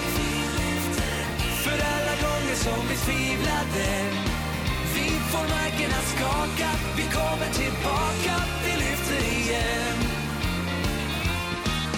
Visst det är väl slit och släng ibland. Med det ständigt vara på väg. Men vägarna de är ju vårat hem. Våra resa den tar aldrig slut. Bara hem så längtar man ut. Ja vi drar idag och allt blir som förut. Vi lyfter igen. Och ingenting kan längre stoppa oss. Nu tar vi vara på den chans vi fått. Och inget står i vår väg. Vi lyfter igen. För alla gånger som vi tvivlade. Vi får marken att skaka. Vi kommer tillbaka. Vi lyfter igen. Jag vet nog att vi landade ett tag. Aha. Men vi har en gång just idag. Vi lyfter igen. Och ingenting kan längre stoppa oss. Nu tar vi vara på den chans vi fått. Och inget står i vår väg. Vi lyfter igen. För alla gånger som vi tvivlade. Vi får marken att skaka. Vi kommer tillbaka. Får marken att skaka. Vi kommer tillbaka Vi lyfter igen.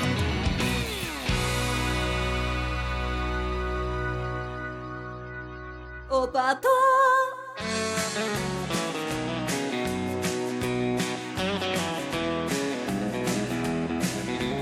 Kjære varsle gjenka min Jeg savner deg utrolig, men snart har jeg fri. I morgen skal jeg reise hjem alt skal bli som før Og du og deg har tenkt på deg Har tenkt at du ikke lenger er noe glad i meg Snart så får jeg ferda hjem Og alt skal bli som før En sjømann står ved roret Og han speider inn mot land Det oseanet fine Skjønt han er en enkel mann fra hus som venter hjem. Da er det godt å vite at han er frem. Kjære varsle jenta mi Savner deg utrolig, men snart har jeg fri. I morgen skal jeg reise hjem Og alt skal bli som før. Og du at jeg har tenkt på deg Har tenkt at du ikke lenger er noe glad i meg snart så får jeg færre hjem Og alt skal bli som før Et år i militære er snart over for en kar I natt fikk han ei melding Han har nettopp vårt far. Han giver seg på telefon Til hus som vinker hjem Få kjenne at ei tåre frasser fram Kjære versle jenta mi Jeg savner deg utrolig, men snart har jeg fri. I morgen skal jeg reise hjem Og alt skal bli som før. Og du og deg har tenkt på deg Har tenkt at du ikke lenger er noe glad i meg. Snart så får jeg ferda hjem Og alt skal bli som før.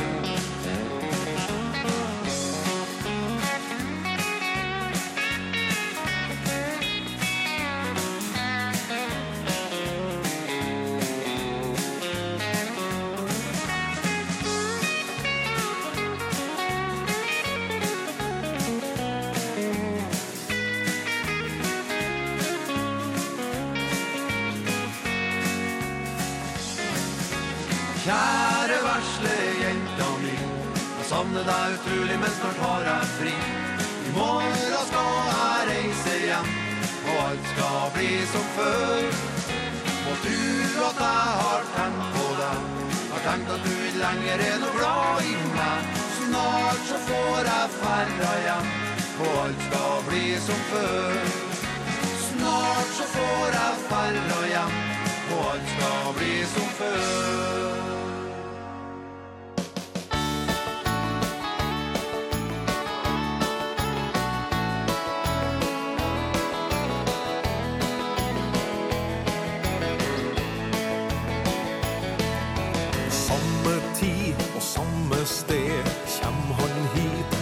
slår seg ned. Hele byens trubadur En avhold gammel mann. Du kan høre hans såre røst Litt til glede, litt til trøst. Altid med et smil på lur Ja, alle kjenner han.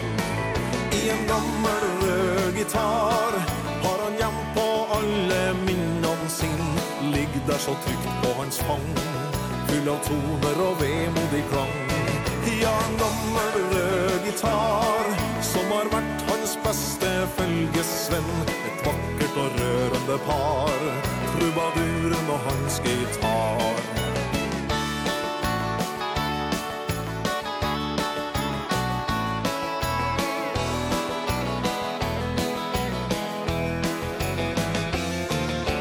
Hele verden har han sett. Sangen har vært hans billett Så en dag tok reisen slutt, og torget ble hans hjem. Sena er ei mursteinstropp, han sitter på en flik med papp, og tar en liten sang for deg, hvis du vil høre på. I en gammel rød gitar, har han hjem på alle minnen sin, ligg der så trygt på hans fang, full av toner og vemodig klang. Jan Ammerlø gitar Som har vært hans beste følgesvenn Et vakkert og rørende par. Trubaduren og hans gitar.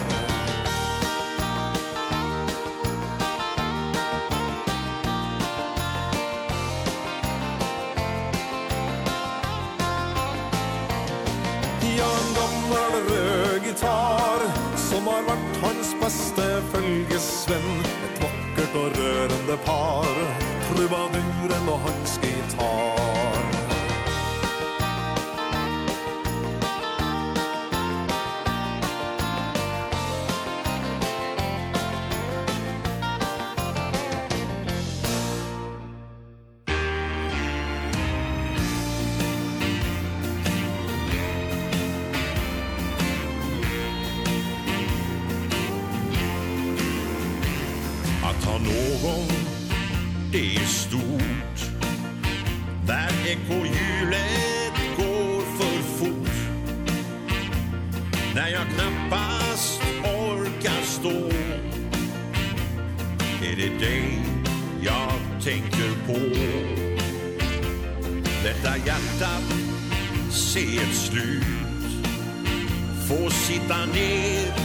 tala ut. Ingen i världen kan lyssna som en vän. Om jag får önska vad jag vill Och leva livet en gång till Vill jag dela åren med dig. Du som alltid mig. Trots varje lugn här på vår jord Så kan jag få ett hedersord. Ingen i världen kan lyssna som en vän.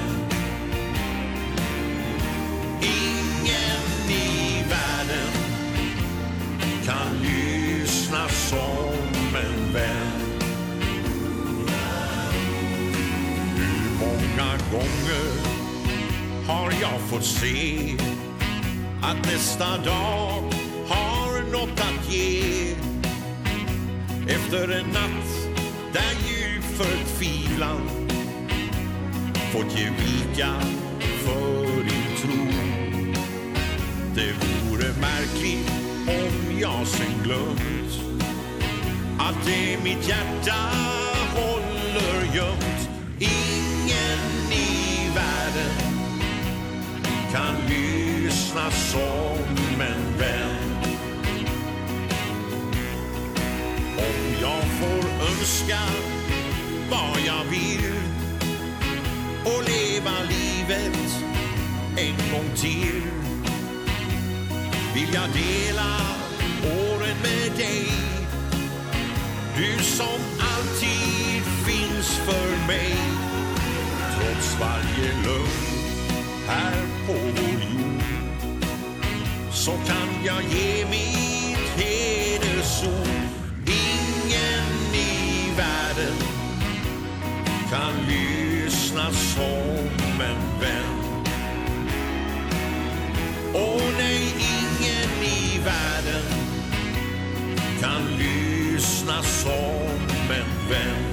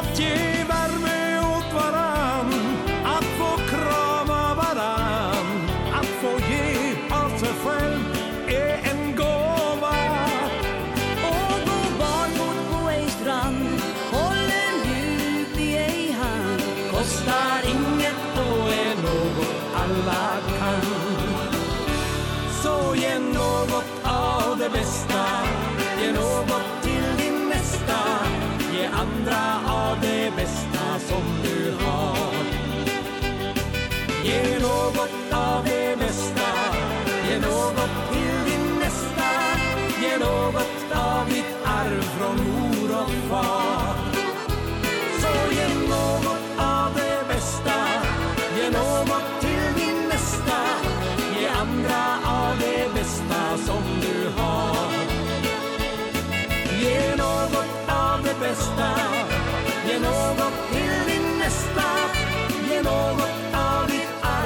mor og far.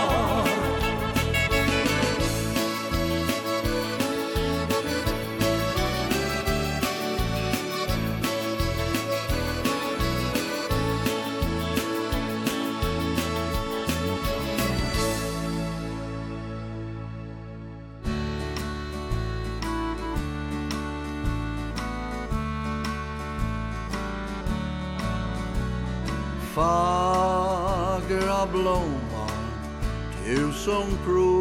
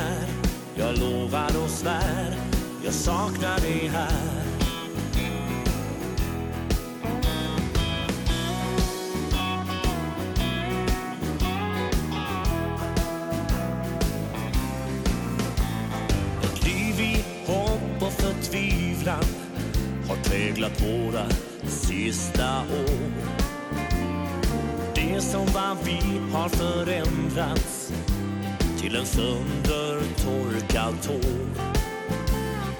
Inget blir som det har varit Sen den dagen du stängde din dörr.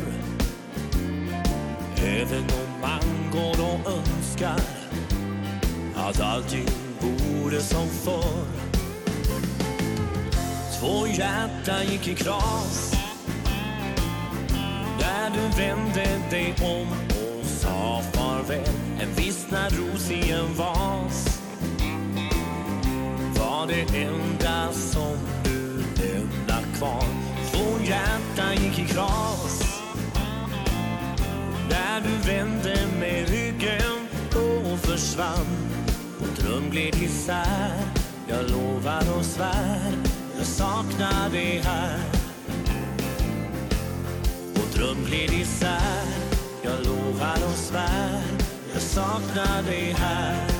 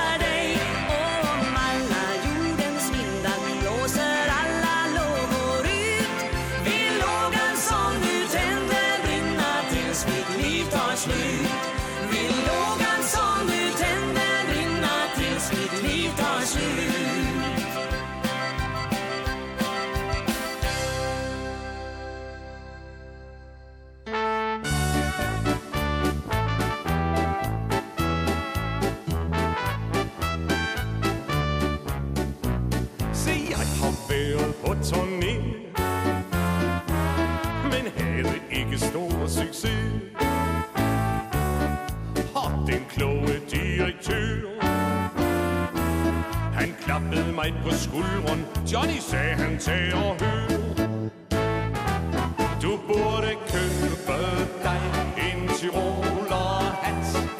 Folk vil gerne have noget at grine af. Du burde købe dig en Tiroler hat. For så tror jeg det glider glat.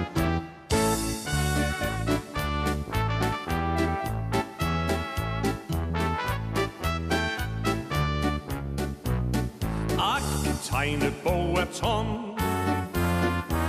Men det er noget, vi fælles om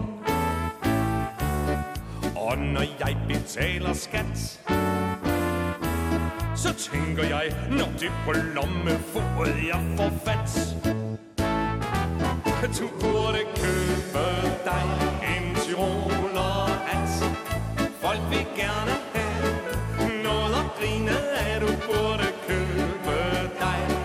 tyroler hat For så tror jeg det glider glat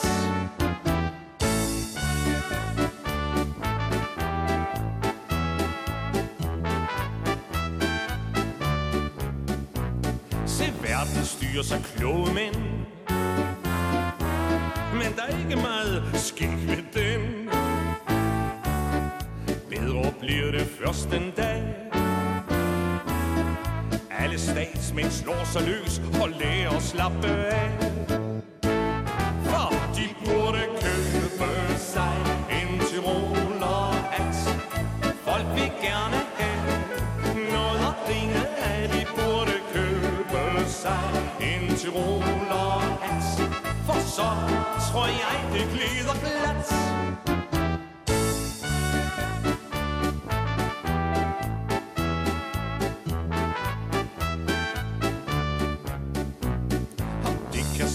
Utopia sur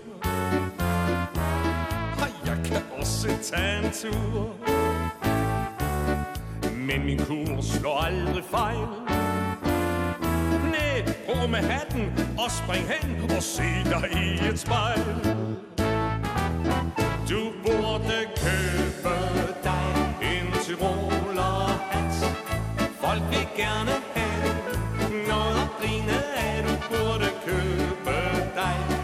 tyroler hat For så tror jeg det glider glat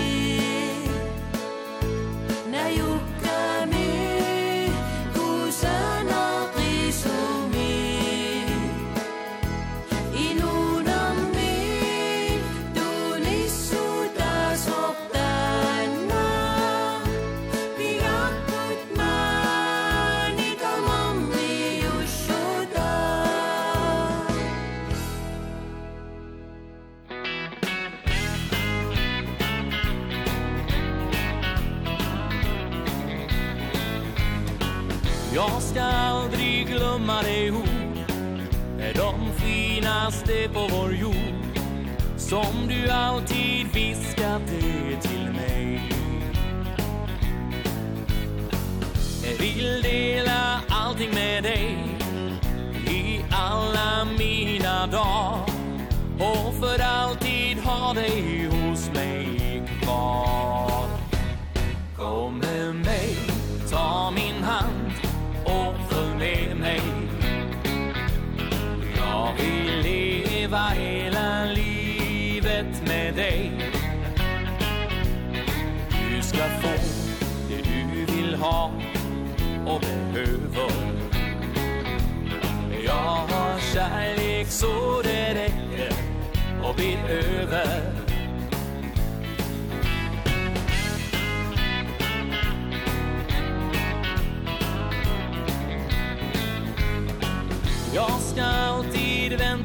dig. Fast någonting säger mig